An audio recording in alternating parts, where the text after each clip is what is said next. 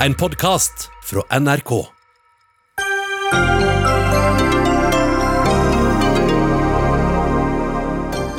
Strømleverandørene gjør god butikk på å selge dårlige avtaler og tapper forbrukerne for penger, ifølge Forbrukerrådet.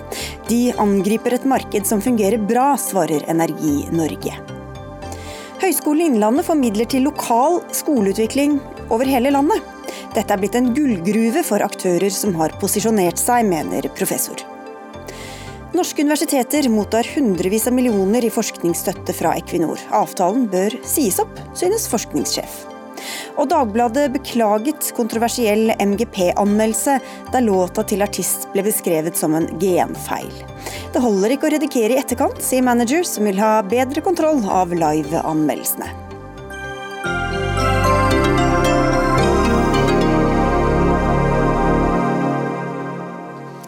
Vel møtt til Dagsnytt 18, jeg heter Sigrid Solund. Hvert år bytter flere hundre tusen nordmenn strømleverandør, og mange er stadig på jakt etter de gode avtalene. Men nå advarer Forbrukerrådet mot lokketilbud, mot manglende seriøsitet i bransjen og mot avtalene om variabel strømpris. Og Det gjør du i VG i dag, direktør i Forbrukerrådet Inger-Lise Blyverke. Aggressiv markedsføring, sier dere. Hva er det ved denne bransjen og hvordan den opererer på som dere reagerer på? Systematisk eh, feilprising er vel kanskje et eh, godt begrep. Nå har vi gått ut i dag med å gi eh, forbrukerinformasjon. Vi sier til forbrukerne styr unna en bestemt type avtaler, som vi kaller da variabel strømprisavtaler. Velg heller spotpris eller fastpris, som over tid har vist seg å være rimeligere. Variabel strømprisavtalene er veldig vanskelig å forstå. De skjuler tydeligvis veldig mye forskjellig, og det er vanskelig å sammenligne priser. Og når vi har eh, gjort noen stikkprøver, så viser det seg jo at selv den eh, billigste variabel strømprisavtalen er dyrere enn enhver spotprisavtale. Vi kan jo komme tilbake til den avtalen også, men dette med øh, aggressiv markedsføring og manglende seriøsitet, hvordan mener du at denne bransjen skiller seg ut på dette punktet? Egentlig så burde jo strøm være et veldig enkelt produkt for oss forbrukere. Strøm er strøm, det er ikke kvalitetsforskjeller. Dette skulle være enkelt å handle og kjøpe.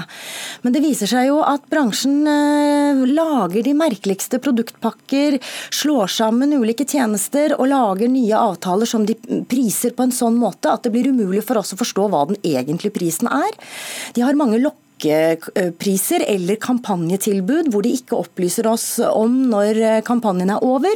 Og de er veldig dårlige til å fortelle oss direkte når eh, prisen endrer seg. I tillegg så vet vi at det er også mye aggressiv markedsføring gjennom dørsalg, gatesalg, telefonsalg, og også salg når vi faktisk er på vei til å kjøpe noe helt annet. Nemlig f.eks. en brødrister, så får vi tilbud om en strømprisavtale mot en rabatt. Dette er ikke god handelspraksis, syns vi, og det er ikke et forbrukervennlig marked. Ja, Det var ikke så god attest. Administrerende direktør i interesseorganisasjonen Energi Norge, Knut Krøpelin. Hva svarer du på den salven? Nei, For det første så er det jo en viktig jobb Forbrukerrådet gjør med å se til at eh, det kanskje viktigste produktet alle forbrukere i Norge kjøper, eh, strøm, foregår på en skikkelig måte.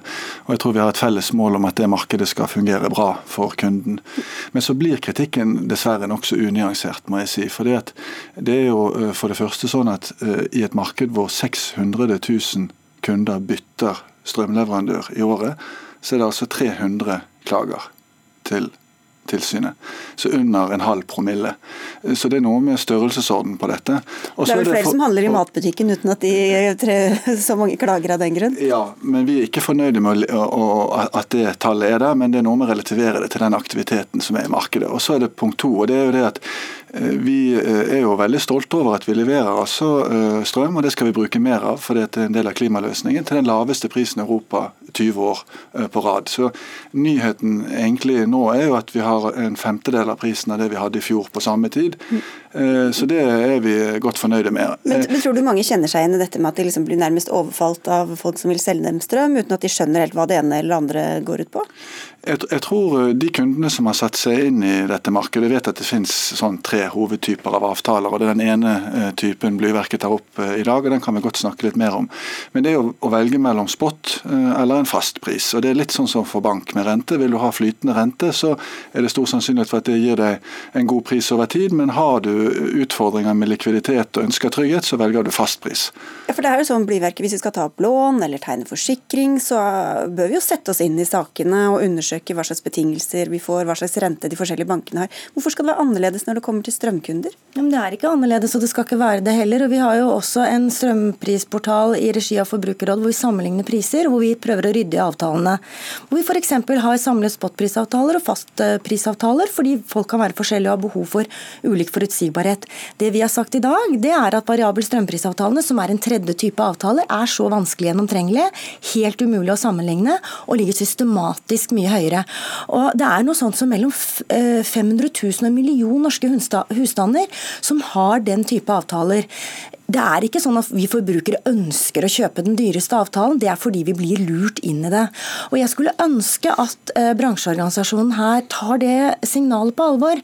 For selv om det har vært 300 klager til tilsynet, Forbrukertilsynet, så er det en lang rekke henvendelser til oss gjennomgående på, på dette området. Det er stor frustrasjon ute, og det at det faktisk er veldig mange som bytter yter egentlig en varig tjeneste i så stor grad, viser kanskje at markedet ikke fungerer sånn som det burde. Og Jeg ønsker meg egentlig rett og slett en større nysgjerrighet ja, fra bransjeorganisasjonen på hva er det som gjør at Forbrukerrådet ser eh, seg nødt til å gå ut med så kraftige advarsler, og fraråder faktisk en stor produktgruppe fra forbrukerne. Hva er denne avtalen egentlig? Ja, eh, kan jeg først si at Vi er nysgjerrige, og det var også grunnen til at vi har hatt møte med dere og har diskutert dette i lang tid. og Vi har en god dialog om dette. Variabel strømpris er jo en mellomting mellom spot, altså en flytende pris, og en fast pris. Det gir eh, kunden en mulighet til å jevne ut noen av toppene og bunnene vi ser. Og Det er jo det som er bakgrunnen for at vi sitter her i dag, det er at vi har hatt en voldsom svingning i prisene det siste året. Så når prisene er en femtedel av det de var i fjor på samme tid, så er det noen kunder som ønsker å ha noe større forutsigbarhet. Og Det får du med en variabel pris, men det er da ikke så lang bindingstid som fastpris. Men er det noen som, hvor, det, hvor det lønner seg å ha denne avtalen? Vi har gått litt tilbake i historien og sett. og det er klart I 2015 og 2016 2016 så fikk man bedre pris over tid med variabel strømpris. Eh, fordi at eh, det var de svingningene man fikk jevnet ut. Mens i fjor var det ikke bedre. Men dette er jo litt sånn som på banksiden. at Det er klart jeg har sittet med fastrentelån i, i bankverdenen i noen år og angret eh, stygt på det, men det har gitt meg den tryggheten jeg trengte.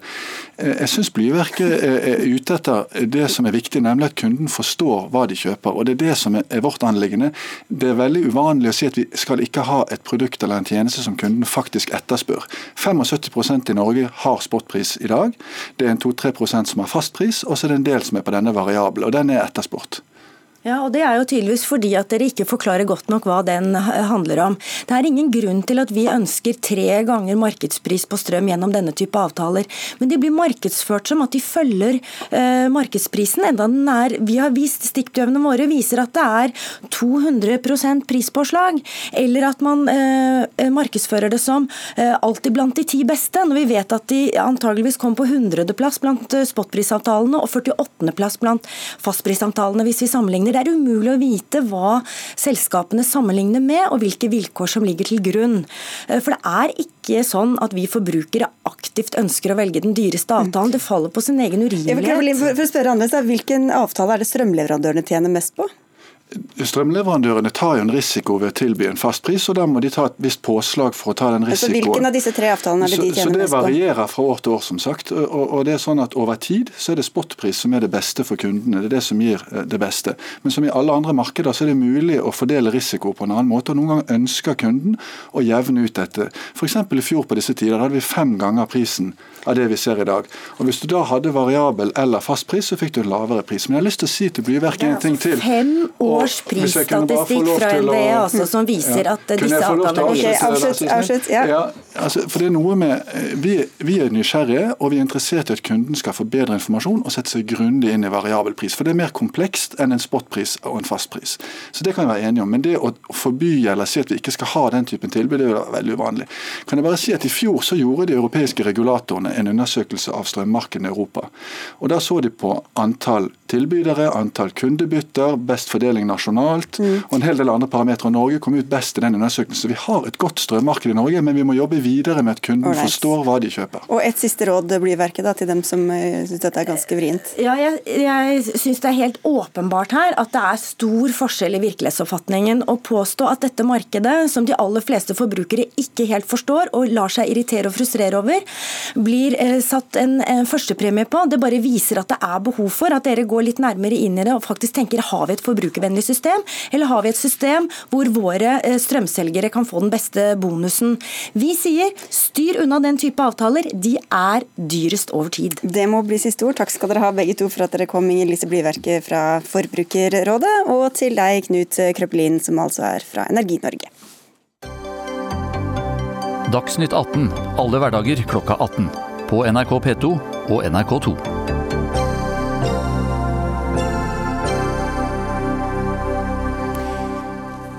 Lørdag var det den siste norske semifinalen i Melodi Grand Prix, og mens artistene gikk på scenen, så ble det de framførte, anmeldt av Dagbladet.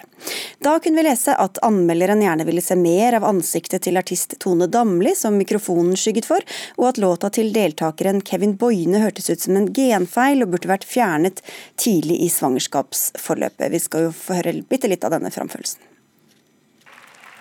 Hva har skjedd med Norge? Ingenting er på plass. Alt går i dass. Oh, oh, oh. Drukner i sorger. Ingen hører hva jeg sier. Vi starter på ny.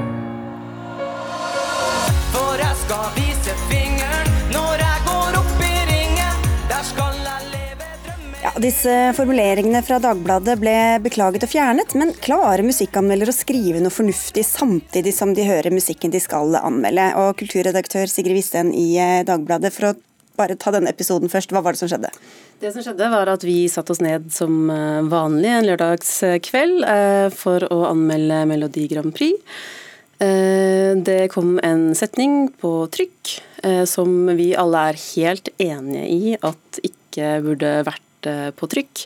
Eh, det har vi beklaget, og det beklager jeg eh, gjerne igjen. Både til Kevin Boine og til alle andre som kan ha følt seg berørt av den setningen, fordi den burde ikke vært på trykk. Det ble jo oppdaget, og så ble den fjernet. Og så har vi kommet med en unnskyldning etterpå. Og så skal vi prøve å heve det opp litt, da, men Fredrik Nordby, du er manager til den nevnte Kevin Boine. Først, er det greit? Nå godtar dere denne beklagelsen? Måten beklagelsen har kommet på, er noe av det vi har reagert på. De var det siste mediehuset i Norge som kontaktet oss om denne saken. Og vi føler at beklagelsen kom som et press fra andre medier som begynte å skrive om saken. Ja, Vil du kommentere på det? Uh, ja, altså vi, eh, av og til så kan det ta litt eh, tid å områ seg, og vi ville komme med en ordentlig beklagelse. og Det er viktigere å komme med en ordentlig beklagelse enn å komme med den umiddelbart. Det kan man jo selvfølgelig være uenig i, men uh, nå har vi beklaget både på dagbladet.no og vi har beklaget i NRK og på TV 2, så jeg håper dere aksepterer det. Ok, men For å ta det prinsipielle, Nordby, da skjønner du at sånne ting kan skje? Glipper kan foregå når man skal anmelde ting der og da? Det, det, er grenser på ting. Eh, man kan tillate ganske mye, men her er det noen rutiner hos Dagbladet som jeg føler burde kritiseres og gjerne burde rettes på. Gjennom hele MGP nå så er det mange artister som har reagert på hvordan disse anmeldelsene har blitt lagt frem. Eh, og dette er på en måte det drøyeste da, som har fått veldig mange til å si at nå er nok. Men Mener du da at, at Dagbladet skiller seg ut i negativ retning generelt? De har vært de drøyeste og hatt veldig mye fokus på å seksualisere kvinner enn å faktisk fokusere på musikken i en musikkonkurranse. Feministavisa Dagbladet? ja, Feministavisa Dagbladet er jo eh, en eh, avis eh, med si, et bredt eh, og stort meningsmangfold. Eh, og det er jo en anmelders subjektive vurderinger eh, vi har her. Og så må vi jo ikke glemme at Melodi Grand Prix er jo et show.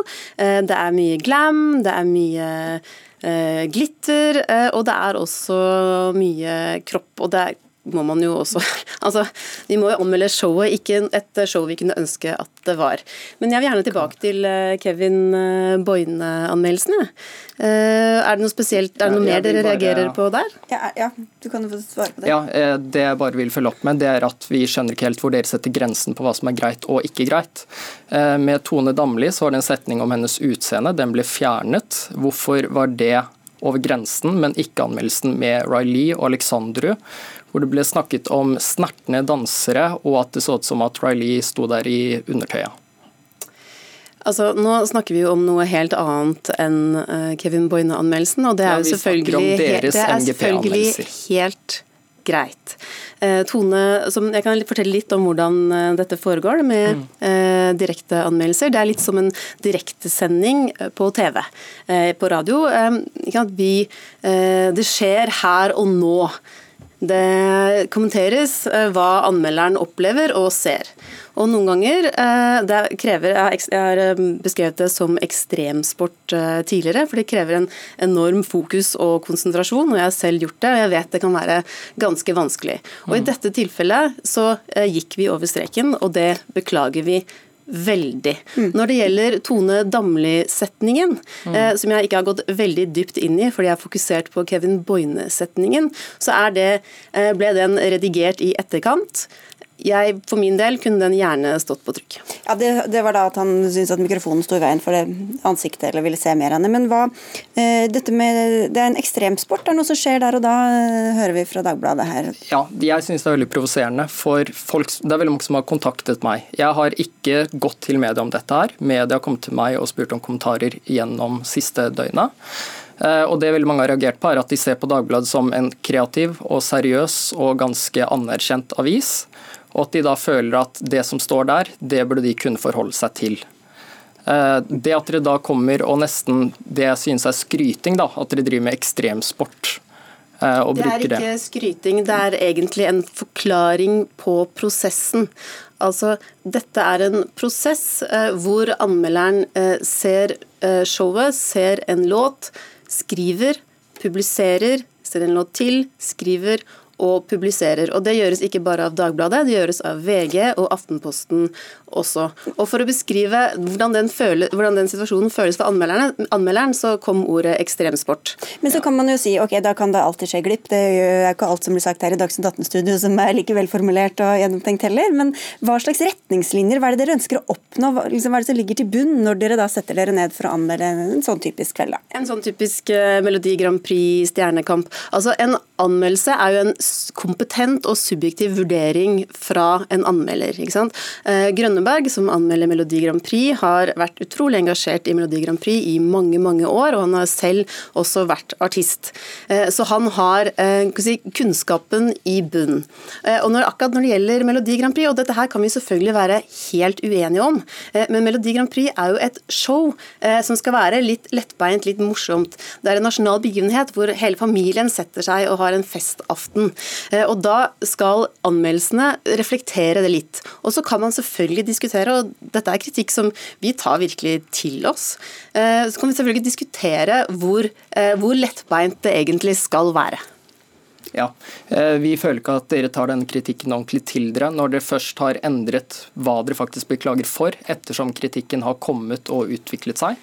Det men hva, hva, tenker du skal ligge, altså hva slags anmeldelser er det man skal ha på et sånt eh, show som Melodi Grand Prix er, og som skal skrives der og da, og på en måte være i, i situasjonen, samtidig som alle som ser på også er i den samme situasjonen? Ja, I musikkbransjen så er jo musikkanmeldelser noe som alltid blir diskutert, som man aldri blir enige om. Det er veldig sant.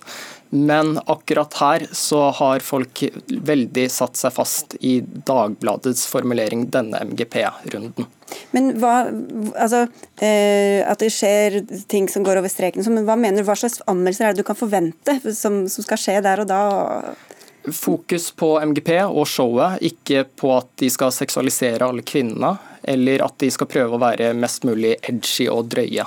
Okay. Det skal fjortisene få gjøre. Ja, Du skal få avslutte, Sigrid Hvitstedt. Nei, altså det, jo, altså det, er jo, alltid veldig sunt å få kritikk. Eh, og sånn, For medier så er det jo ekstra sunt å være på den andre siden. kan du si da. Mm. Så vi tar all denne her kritikken til oss, og vi diskuterer det selvsagt eh, grundig i redaksjonen. Og hos oss. Takk skal dere ha, begge to, for at dere kom til Dagsnytt 18.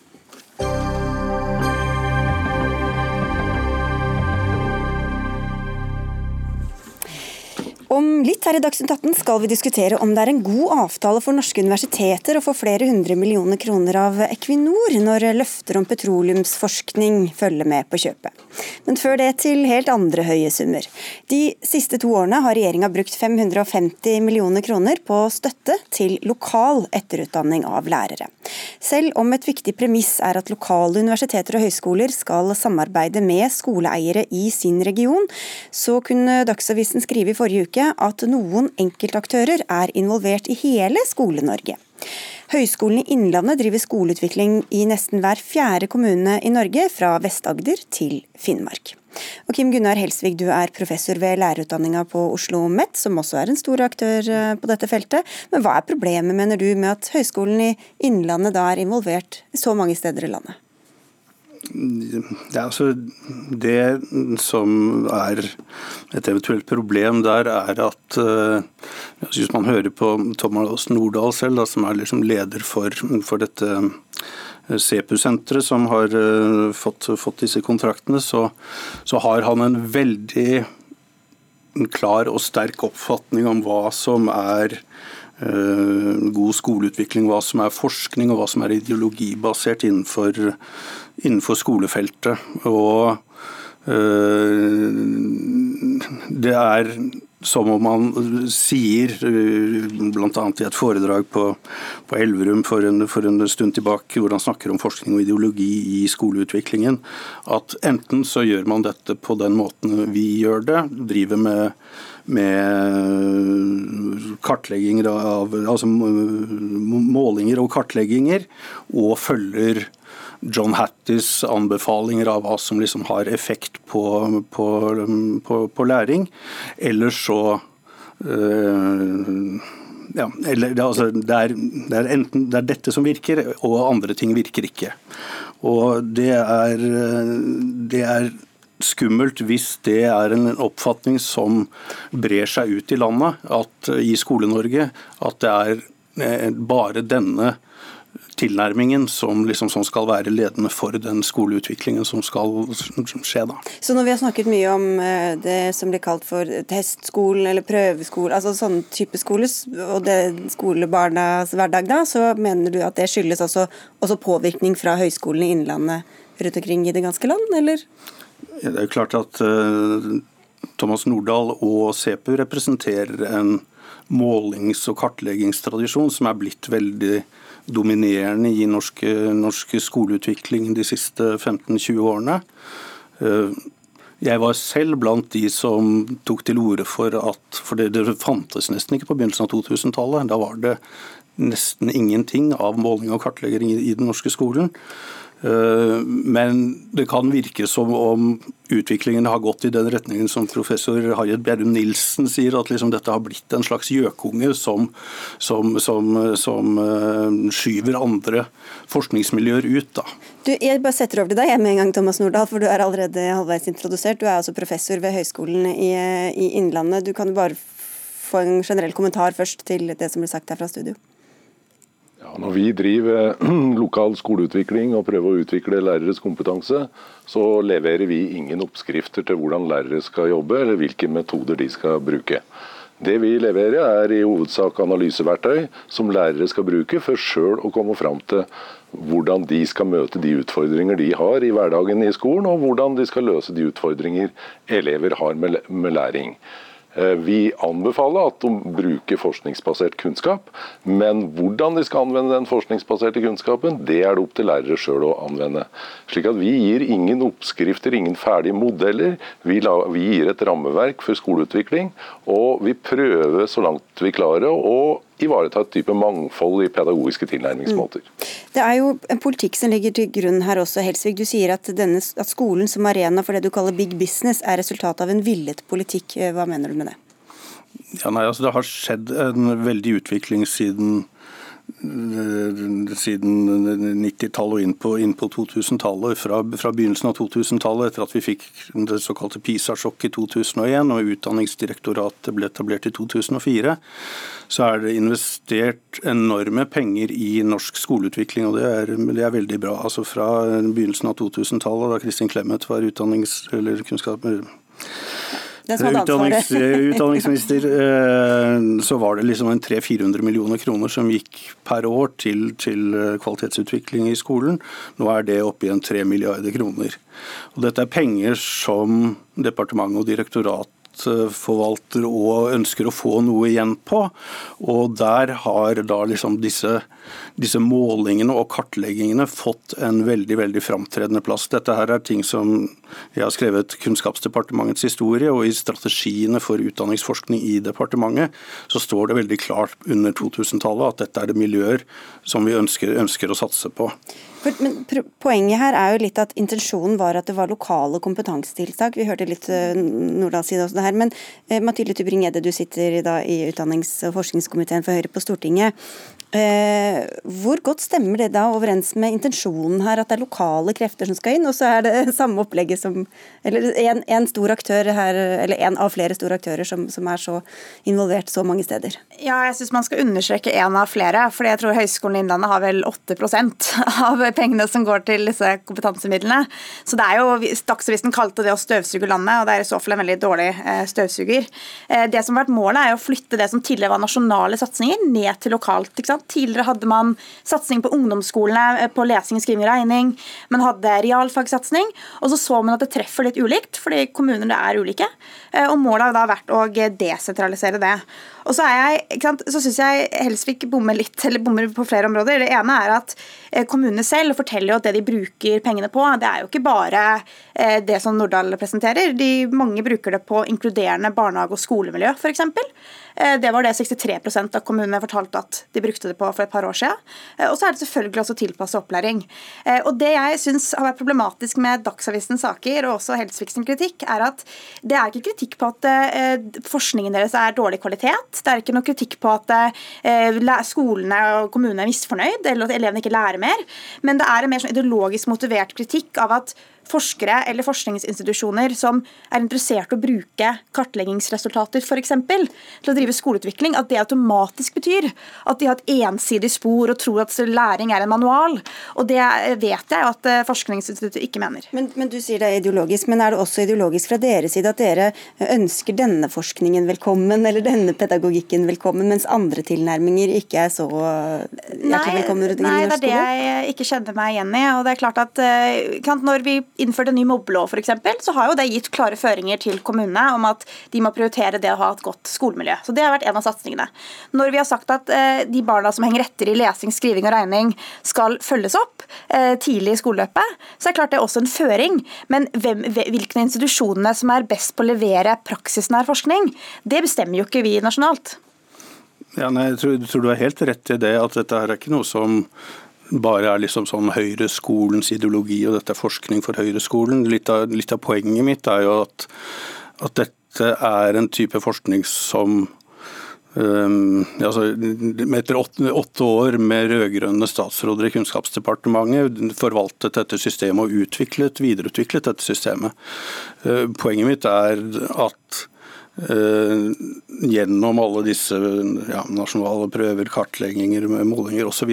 har laget et, et system hvor liksom kvalitetsutviklingen i skolen nesten er liksom plukket ut av politikken. Og så er det én liten ting til, til det Nordahl sier. for det er, det er jo flott og fint det han sier om at de liksom da vil jobbe nært med skolene og lærerne, men det er noe helt annet som han sier når han er ute og snakker til skoleledere og forteller om hvordan dette her skal, skal gjøres. Da er det Eh, snakk om, altså Han kritiserer da lærernes metodefrihet, ønsker mer standardiserte undervisningsopplegg osv.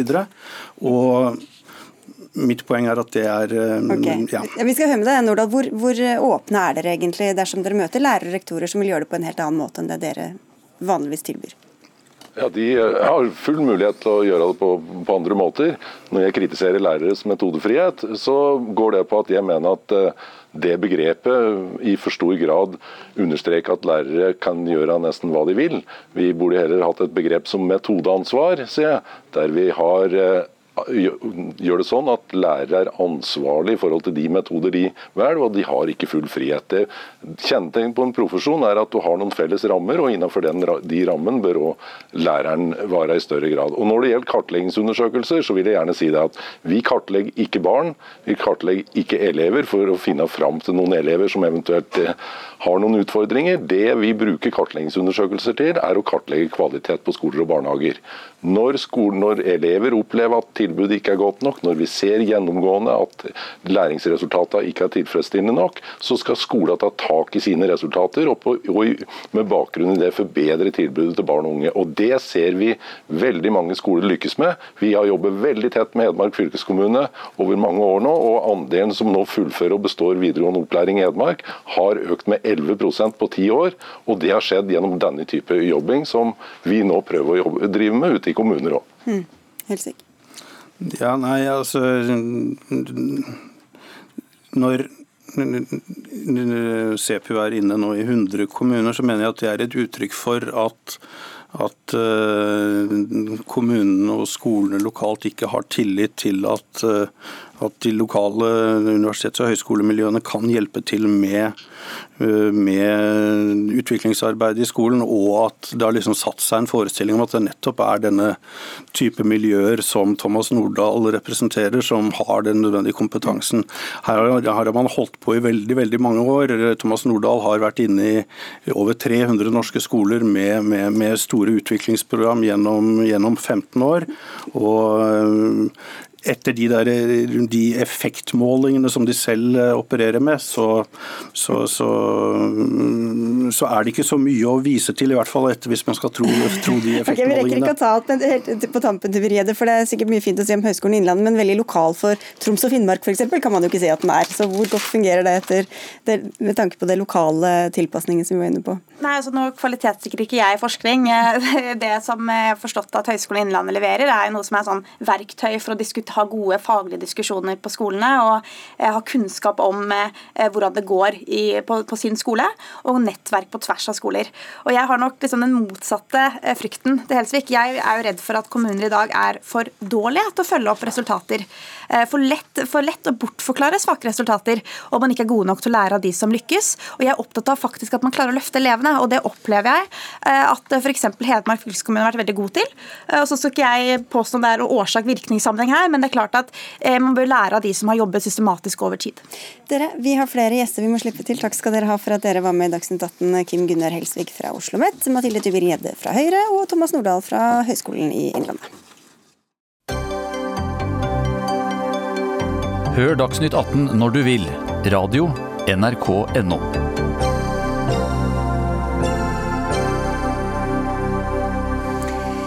Mange barn og unge liker å se slåsskamper og fyllerør på internett. Det går fram av en ny undersøkelse som Medietilsynet presenterte i dag. Den viser at 43% av norske tenåringer har fulgt diskusjoner om skadelig og voldelig innhold på nett det siste året. Og Mari Velstand, du er direktør i Medietilsynet. Det var dere som sto bak den undersøkelsen som er foretatt eh, i aldersgruppa 13 til 18 år. Og du sier til NRK.no i dag at dette er alarmerende funn. Hva er det som var alarmerende? Jeg tenker jo at eh, når såpass mange barn og unge har eh, sett den type innhold det her er snakk om, f.eks. Eh, voldelige eller skadelige bilder eller diskusjoner relatert til det å skade seg selv eller det å bli veldig tynn, så er det noe det er all grunn til å stille spørsmål ved. Hva slags sider eller diskusjoner eller videoer er det de er inne på? Vi vet ikke akkurat hva det er de har eh, sett, fordi at dette er en undersøkelse som kartlegger eh, mange sider av barn og unges eh, digitale mediehverdag. Så vi har ikke gått i dybden på det, men de har i hvert fall sett eller opplevd en type innhold som de forbinder med da, noen av disse tingene som jeg nevnte innledningsvis. Mm. Ann Janette Heitmann, du er helsesykepleier ved Husby barneskole i Oslo, og du er også familieterapeut. Alarmerende hører vi, men er du overrasket over dette? Eh, alarmerende er det absolutt, men jeg er ikke overrasket. Barn og unge tilbringer jo store deler av døgnet der ute i den digitale verden. Eh, de har mobiltelefonen det er nesten sånn at det er en del av kroppen deres. Eh, og så har de da hele verden tilgjengelig. Og jeg tenker ungdom er jo utforskende, nysgjerrige. Så det er helt naturlig, egentlig, at de, at de bruker den arenaen og oppsøker. Og vi har jo mm. fått tilsvarende mm, undersøkelser tidligere, vel, så veldig overraskende kan det vel ikke være? Nei, jeg syns heller ikke dette er eh, overraskende, eller egentlig ikke noe grunnlag for å si det. Men jeg syns eh, absolutt det er eh, alarmerende, som jeg har sagt før i dag. fordi mm. at dette er jo et innhold som kan være skadelig. Vi vet jo også at barn er forskjellige. Noen er mer sårbare enn andre. Det er ikke alle som har noen å snakke med. Det er ikke alltid enkelt for foreldre å vite hva det er barna ser og opplever. Så dette er absolutt noe som eh, det er nødvendig at vi eh, tar på alvor. Barneombud Inga Beiring, hva sier den undersøkelsen deg? Eh, mye av dette har jo vi dessverre visst på forhånd. Ehm, senest i høst så kom det noen tall i hvert fall på dette med selvskading, at norske barn ligger høyt der.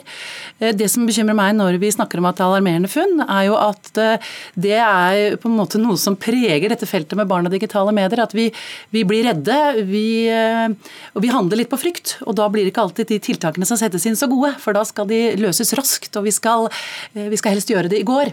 Jeg tenker at De utfordringene vi ser med barn på nett, og som vi får presentert her, de er ganske sammensatte. og det er en del og, og tenker jeg er viktig at vi ser at dette er en del av barns oppvekst. Uh, og Vi må ha dette uh, oppvekstperspektivet med oss. og Derfor så må vi se på sektorer som ikke bare noen sektorer, men alle sektorene må sammen se hvordan skal vi trygge barn bedre enn det vi gjør i dag.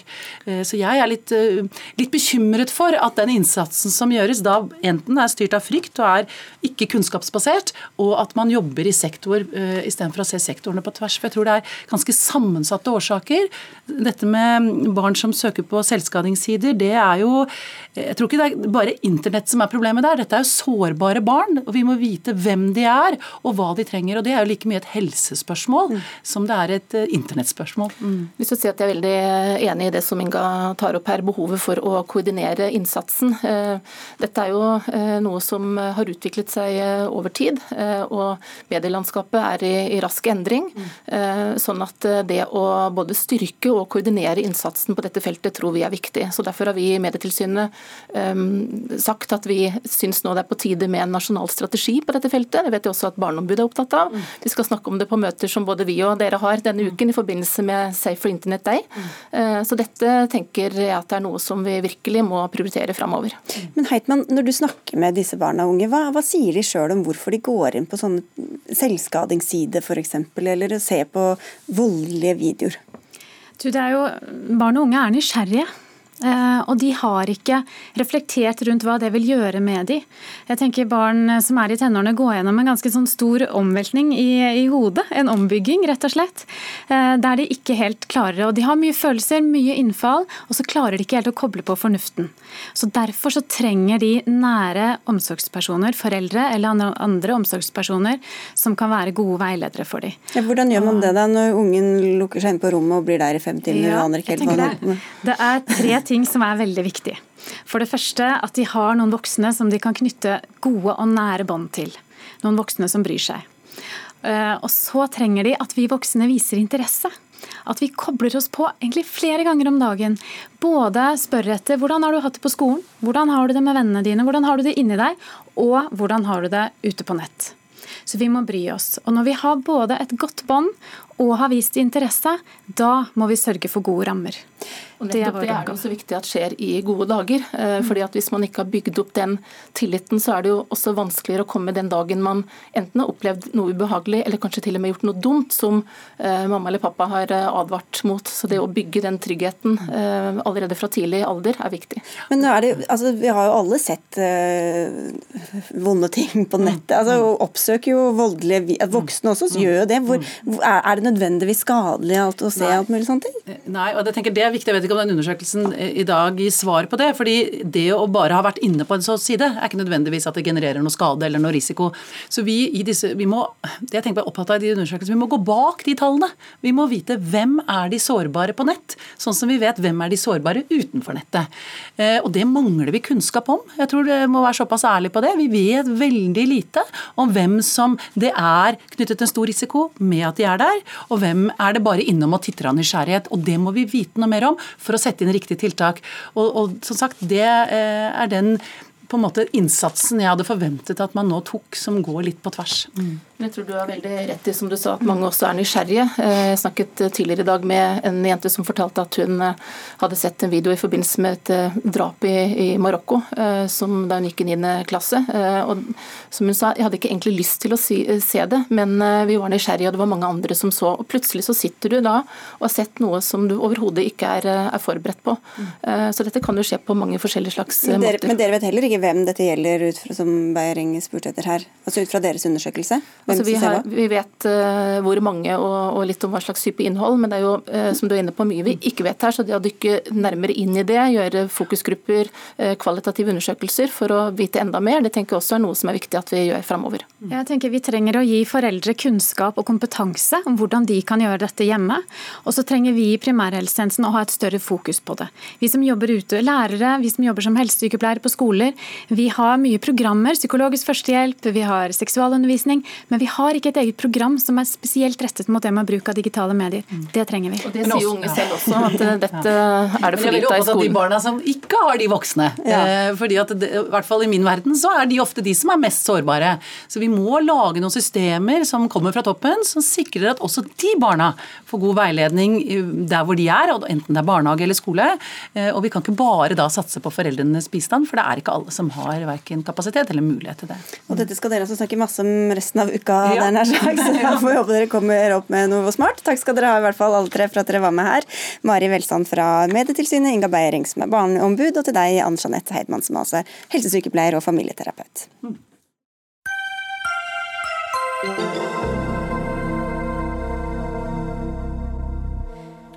Hvert år sprøyter Equinor store summer inn i norske universiteter som de kan bruke til forskning.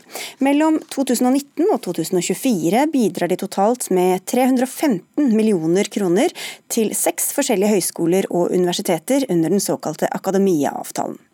Men alle pengene kan ikke brukes til hva som helst. Ifølge Equinor går 40% av støtten til petroleumsforskning. Det skriver nettavisen Krono. Og Peter Haugan, du er forskningssjef ved Havforskningsinstituttet, og til Krono sier du at eh, denne akademiaavtalen som Universitetet i Bergen har skrevet under på, bør sies opp med den profilen som den har i dag. Hvorfor det? Ja, Det er fordi det er ikke fremtidsrettet å drive og bruke strategiske midler til å forske på hvordan man leter etter og finner mer olje- og gassressurser. For vi vet at det må vi slutte med. og Vi vet at det tar fryktelig lang tid fra nye forskningsresultater på slike letemetoder tas i bruk, til det finnes nye felt, til de kommer i produksjon og til de blir avsluttet. Så Et strategisk rettet universitet bør heller satse på nye ting som kommer i forbindelse med energiomstilling. Men det er vel ikke så rart at Equinor vil gi pengene eh, som de gir, at det skal få noe av det tilbake og få noe selskapet har bruk for? Er det ikke mer overraskende egentlig at 60% ikke er knyttet til petroleumsforskning? Ja, Nå vet vi ikke hva eh, Equinor har ønsket i disse avtalene, og hva universitetene selv har bedt om. Det er jo et poeng her at dette er en avtale, frivillig avtale mellom universitetene og Equinor, hvor man blir enige om hva man skal satse på. Og Det er fullt mulig at, eh, at eh, Equinor ville gått med på å å satse mer på nye energiformer og omstilling av samfunnet, som de jo vitterlig er mer og mer interessert i, de også. Dag Rune Olsen, du sitter ved siden av i Bergen her, og du er leder for Universitetet og høyskolerådet og rektor ved Universitetet i Bergen, og kjenner altså dette samarbeidet både overordnet og for ditt eget universitet. Du kan jo si litt om hva slags forhandlinger eh, dere, inngikk i, eller dere hadde da dere inngikk denne avtalen? Ja, for det første så må jeg jo si at Equinor stiller jo ikke noen betingelser om at det skal være noe i retur. Det er jo slik at eh, de stiller penger til veie som vi lager en avtale rundt. Og så eh, har man en prosess rundt hvordan disse pengene skal brukes på Universitetet i Bergen så ble det jo sendt ut spørsmål til en rekke fagmiljøer til eh, forslag til tematikker, og så grupperte man det og laget en utlysning og en intern konkurranse. Hos oss er ca. 70% av de pengene brukt til fornybar energi, omstilling, veldig mye offshore havvind, og så er 30 brukt til grunnleggende eh, geovitenskapelig, geologisk eh, forskning. Ja, men Du sier at, de, at Equinor ikke vil ha noe igjen, Nei. men hva er det de kommer inn i disse i denne avtalen med da? De kommer inn med penger, og så eh, forhandler man om tematikker som det skal lyses eh, ut en intern konkurranse om, eh, om penger til. Og Da er det jo slik at man spør organisasjonen med hensyn på hvilke profil, hvilke temata som man er interessert i osv. Så, så dere kunne ha brukt mye mer på fornybar f.eks., for og ikke noe på geo, altså det som handler om olje og gass? da? Ja, Geologi har jo mange sider ved seg. Det er jo ikke bare knytta til olje og gass. Vi har jo også jordskjelvforskning og andre ting oppi det hele. Ja, men Kunne dere brukt alle pengene fritt, eller du, altså på f.eks. For fornybar energi? Våre fagmiljøer ønsket nok, eh, eller kom i hvert fall med innspill som svarer omtrent den fordelingen som vi har. Så vi har forsøkt å prøve å lytte til fagmiljøene på, på universitetet. Da.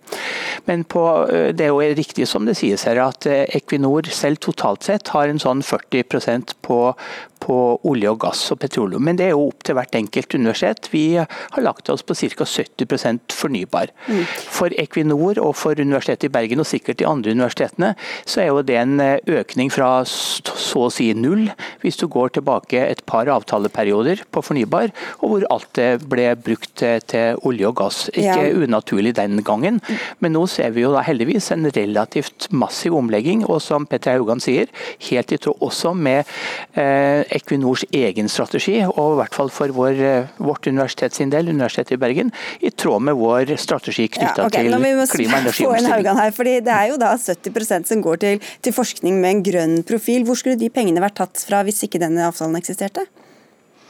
Ja, nå er, jo, er, det 17 millioner per år. Det er ikke veldig mye i forhold til det totalbudsjettet på UiB. Og jeg tenker meg tilbake Hvis man for 8-10 år siden hadde sagt at nå skal man bli ledende på et grønt universitet og gå helhjertet inn for den energiomstillingen og den type prosjekter som vi nå ser at flere og flere ønsker å, å, å komme med, så hadde man klart å skaffe til veie de pengene og kanskje skapt enda mye mer penger til å bringe opp eh, fagmiljøer på nye, spennende områder som man i dag ikke har klart å drive frem. Men hva, hva har universitetene å tape tape på å inngå disse avtalene? da? Ja, Det er jo øh, for det første at man ikke bruker pengene på det man burde brukt dem til. Men det andre er jo spørsmålet om hva slags øh, omdømme og hva slags øh, oppfatning folk får av disse universitetene. Universitetene bør jo ligge foran i omstillingen av samfunnet mot de nye spørsmålene, og ikke komme etter etter på en måte virksomheten i det ferdigregulerte samfunnet, hvor man skal eh, på en måte hjelpe til med å, å, å, løse problemer i en løpende stor industri. Et universitet bør være langt opp fremme i det vi kan kalle verdikjeden, fra forskning til anvendelse til kommersiell virksomhet, og ikke ligge der vi ligger med petroleum. Olsen. Ja, Da er det jo naturligvis viktig å påpeke at avtalen handler om grunnforskning. Det skal være grunnforskning eh, knytta til energispørsmålene. og Det skal være i tråd med universitetets strategi, som inngår den avtalen. Og det skal være i tråd med eh, Equinors strategi. Og Den er jo, som Petra Haugan påpeker, veldig knytta til energiomstilling, og, og sørge for at Equinor ikke blir bare et olje- og gasselskap, men også et, eh, et energiselskap. Og med relativt solid utbygging bygging på f.eks. offshore havvind. For, for, oss hadde vi nok kanskje ikke Det hadde ikke vært like enkelt i hvert fall å etablere et senter som vi gjorde i fjor, for nettopp offshore havvind, for å se på hvordan vi kan bidra til den omstillingen, og hvordan vi kan bidra til, til eh, den utbygging av fornybar energi som, som, disse millionene representerer. Men det er klart at det er helt riktig som Petter Haugan sier, Universitetet i Bergen har et eh, budsjett på 5 milliarder kroner i året. Men vi bruker jo også veldig mye av de på tematiske områder som mm. har med omstilling å gjøre. Men disse, disse 30% da, som ikke går til du kaller som har en grønn profil, ville dere forsket på de tingene, hadde det ikke vært for disse pengene fra Equinor? Ja, Dette er jo grunnleggende geovitenskapelig forskning, altså grunnforskning som har med geologi å gjøre. Ja, og Ville dere gjort... forsket på det hvis ikke det hadde vært for disse pengene? Ville dere da ha brukt deres egne penger på denne forskningen? I mindre omfang, naturligvis. Mm. Mm. Haugan? Ja, altså det er sånn at eh, eh, hva man skal forske på, eh, er, sender et signal ut i samfunnet hva man syns er viktig. Og eh, Hvis ikke et universitet og forskere der velger å legge vekt på det som har betydning for omstilling og for forbedring av samfunnet, så er det ganske alvorlig.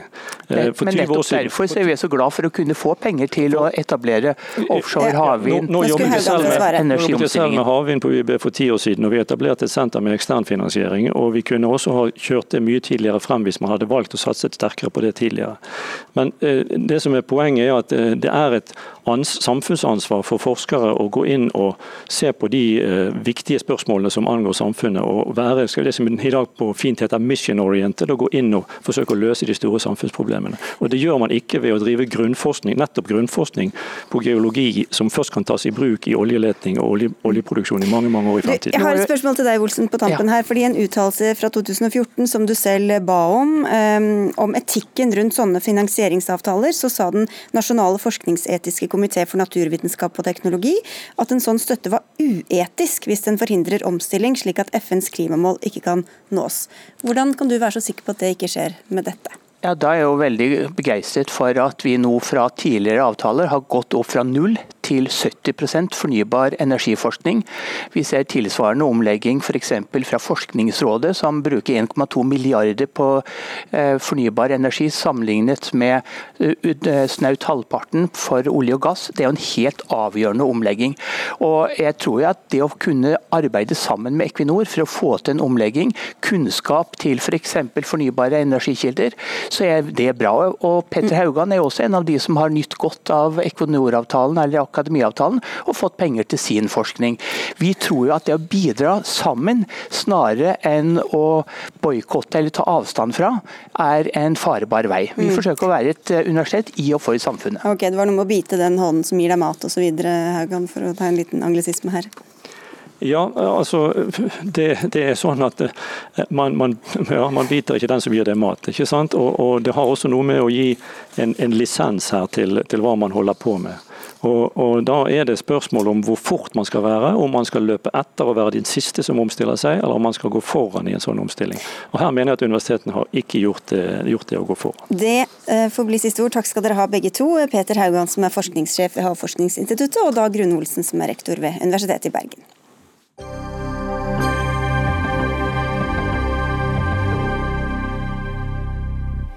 Hvem skal egentlig ta de økonomiske konsekvensene hvis du blir svindlet, hvis noen tar opp et forbrukslån i ditt navn eller misbruker identiteten din på nett? Og hva regnes som uaktsomt av brukeren? Det er mange mennesker i Norge som har måttet betale dyrt for andres misbruk. Og for mye ansvar legges på den som blir lurt, sier du Petter Eide fra SV, du sitter i justiskomiteen på Stortinget, eh, og sier at ofre for svindel burde få et bedre vern i finansavtaleloven. Hva er det som er gærent i dag? Eh, det som er gærent i dag, det er at vi hvis du blir eh, svindla, lurt eller bedratt til å ta opp et lån, eller hvis noen stjeler identiteten din og tar opp et lån på den måten, så, vi, så kan det hende at du som offer eh, selv må betale. Ikke nødvendigvis gjerningsmannen som har gjort det, og heller ikke banken som kanskje har lånt deg de pengene uten å sjekke eh, om er, du er riktig person, eller hva slags situasjon som ligger bak dette lånet, men som, som, det er ofrene selv som må betale. Og Vi ønsker at vi får en ny lov som gir bedre vern til de som er ofre for denne type kriminalitet. Og så ønsker vi at bankene i større grad skal sjekke eh, at eh, de gir lån til riktige personer, at det ikke ligger svindel eller bedrag bak. Eh, og at bankene da også må ta en del av regningen Eh, hvis, eh, hvis, eh, når dette avsløres at det har skjedd noe galt. Ja, Tom Stove, informasjonsdirektør i Finans Norge. Bør bankene ta litt større ansvar? Ja, nå, jeg er enig i alt det Petter Eide sa jeg nå. Vi har fortsatt åtte minutter igjen av sendinga. Men, men, problemet er at altså, vi er helt enig i at bankene må ta sin del av ansvaret i en del av disse sakene. Det som er foranledningen for den diskusjonen som er der nå, det er at eh, departementet, altså Justisdepartementet har levert et forslag til ny finansavtalelov som regulerer bl.a. disse forholdene. I finansavtaleloven så har departementet foreslått en ganske flat eh, egenandel for denne type svindel, der uansett om brukerne har vært grovt uaktsomme, så skal de slippe unna, eller så skal de bare ha ansvaret for 12 000 kroner for eh, identitetstyverier og misbruk av deres elektroniske signatur. Eh, det har fått oss til å rope varsko. Så det vi har anført i denne debatten, og her jobber vi langs to spor. Det ene sporet er at vi ønsker oss eh, en mye bedre regulering av ansvar i sånne saker. Og vi ønsker oss en regulering der begge parter får et eh, incitament til å drive godt sikkerhetsarbeid. Forbrukerne må ha et incitament til faktisk å ta vare på sine passord og, og, beskytte den elektroniske identiteten sin. Mm. Og bankene må få et helt klart ansvar for å drive godt sikkerhetsarbeid. Og hvis bankene ikke har drevet et godt sikkerhetsarbeid, så er vi helt klare på at da bør bankene ta en uh, stor andel av den svindelen som eventuelt måtte oppstå. Ja, for det er jo noe med Noen må jo betale disse pengene, Petter Eide. Så hvis noen er veldig uaktsomme og slumsete, hvorfor skal det andre bankkunder eller andre betale for det? Nei, vi, vi, må selvfølgelig se på det som går på uaktsomhet. Nå har jo ikke den, den loven kommet til Stortinget ennå, så det er mange detaljer rundt akkurat det med å se på hvor grensen skal gå for hva som er ansvarlig og hva som er uaktsomhet. Det må vi se litt nærmere på når, når det kommer, så det kan jeg egentlig ikke sitte og diskutere nå. Det som er, eh, det som er viktig, vi, vi, eh, Regjeringen har, har, gått ut med et lovforslag som eh, SV langt på vei syns høres veldig fint ut. Hvor bankene må sjekke at låntakerne er reelle personer, altså ikke, det, ikke svindlere som står bak. Bankerne må sjekke at folk har betalingsevne. Bankerne, bankene må ikke ta sånn skyhøye renter. Og altså, med, med, de, med, disse, med dette som utgangspunkt, så mener vi at hvis bankene ikke følger dette, som da forhåpentligvis kommer i en ny lov, ja da må bankene ta mer ansvar for eh, at de får udekkede lån. Eh, fordi Det kan ikke være sånn at folk som er ofre for dette, ofre som har blitt lurt, eller som har fått frastjålet sin identitet, som skal betale hele den regningen. Nei, men, og Du vil ikke komme på eksempler, men det er jo nyttig å høre litt hvor grensa går. Da står vi der uh, unge mennesker som har blitt opplevd å bli lurt av moren eller faren sin. Uh, en gammel dame med Alzheimer som hadde skrevet opp et passord og dermed ble dømt til å betale, altså hvor banken ga henne et, et forbrukslån. Er dette uaktsomme ting? Det er, det, er, det er, flere ting å si om dette. Eh, for det første så har eh, finansnæringen i Norge jobbet eh, siden Jens Stoltenberg var statsminister i dette landet, for å få på plass et gjeldsregister. Det gjeldsregisteret fikk vi på plass endelig nå i sommer. Vi ser allerede effekten av det gjeldsregisteret av at forbrukslånsmarkedet faller i Norge. De siste tallene derfra viser at det faller ganske bra. Eh, og veldig mange av de svindeltilfellene du påpeker her, sånn, de ville vært avverget nettopp ved å ha hatt et gjeldsregister, for da kan ikke svindlerne gå fra bank til bank og shoppe lån med eh, en annens identitet. Det er det ene poenget. Men, men, Er du enig at dette var uaktsomme eller grovt uaktsomme tilfeller? Ja, altså Det der må vurderes i hvert enkelt tilfelle, og det er også et problem med denne debatten. fordi at vi får veldig mange av disse litt tragiske tilfellene i avisen, og så klarer man ikke å skille hva som egentlig er grunnen til at disse stakkars menneskene er blitt svindlet. I noen tilfeller så er det sånn at eh, svindeltilfellene faktisk har tatt opp pengene selv og gitt dem til noen som har liksom, svindlet dem. I noen tilfeller så har man gitt bort bank-ID Eh, påloggingen sin med viten og vilje til andre, og blitt svindlet. Eh, og da må vi diskutere hvilket ansvar har du da. Og i noen tilfeller så har man, og det er veldig få, faktisk mistet dem uten at man kan lastes for det. Og det er mange sånne ulike tilfeller som vi må løfte opp, og som vi må diskutere på et eh, litt mer sånn rolig og fornuftig grunnlag. Og så tror jeg alle er enige om at hvis man reelt sett er blitt svindlet, ja, så skal ikke bankene løpe etter deg og ødelegge livet ditt. Ja, det er veldig fint. Jeg setter veldig pris på den tilnærmingen. Jeg tror Det høres ikke ut som det er så stor avstand eh, mellom oss. Eh, eh, jeg og vi i mitt parti, SV, vi er veldig opptatt av at vi har samfunnsansvarlige banker i Norge. Og Det betyr at bankene må ta ansvar for en slags helhetssituasjon.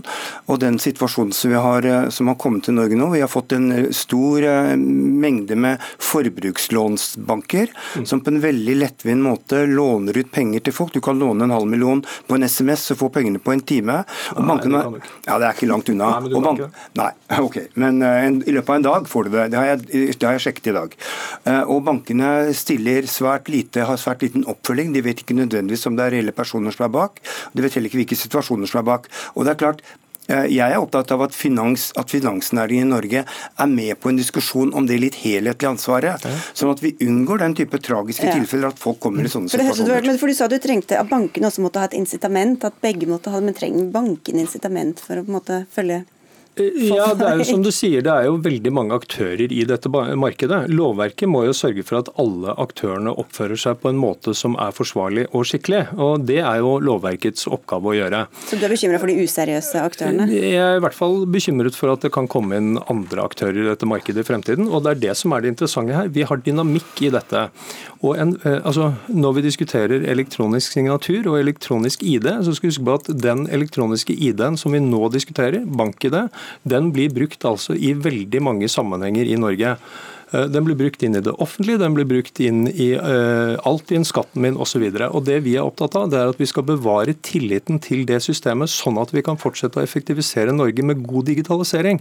Og Da er det masse arbeid som må gjøres, og her kan okay. vi samarbeide, Så... offentlig og politikerne, for å få på plass skikkelig løsning. Litt lett nettvett og litt eh, lovverk. Vi rekker ikke mer, dessverre. Takk skal dere ha begge to, Petter Eide og Tom Stovi. For Dagsnytt 18 er ved veis ende. Dag Dørum, Lisbeth Sellereite og jeg, Sigrid Solund, takker for følget.